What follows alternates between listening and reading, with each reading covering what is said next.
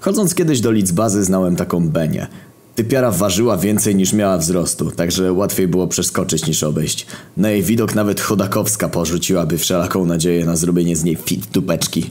Zresztą Benia opierdoliłaby ją jak kepsa zanim by spróbowała. Z pewnego razu stałem se w sklepie po bakłażany i kuskus do kremówek i przede mną w kolejce stała ona.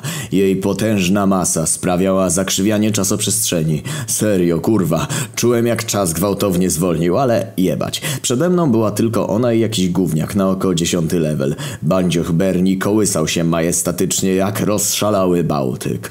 Klepnąłby się, zrobiłby meksykańską falę. Benia wykłada na ladę 10 kilo cielęciny i kanister oleju rzepakowego. Pewnie będzie robić przekąski na wieczór. Gówniak obczaja Bernie.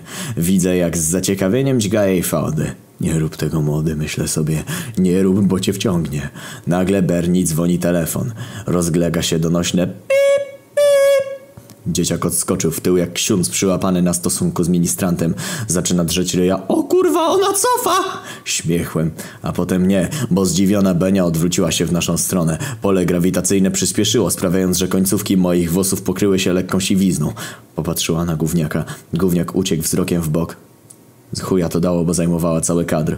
Ty mały chujku, rzekła. Sroga lepa na kark spadła na gówniaka niespodziewanie jak kontrola sanepidu w budce z kepsem na rogu. Gówniak w płacz, fałdy na rękach Berni skaczą wesoło. Za dużo, musisz interweniować. Dlaczego go bijesz? Pytam. Na pewno uważa, że jestem gruba.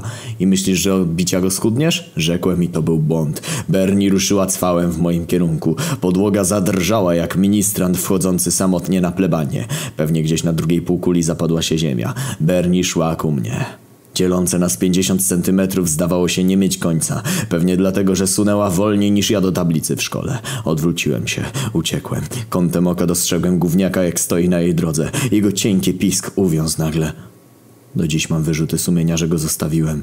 Mieszkam kilometr od tego sklepu. Działo się to trzy dni temu. Teraz, gdy wyjrzę przez okno, widzę Bernie, jak się zbliża. Powoli, lecz nieubłaganie. Sunie jak pierdolony ślimak na koksie. Chce mnie dopaść. Taki chuj. Pewnie byłaby szybciej, ale co jakiś czas rzucam jej za okna świeży ochłap mięsa z promocji. Opierdala go razem z opakowaniem.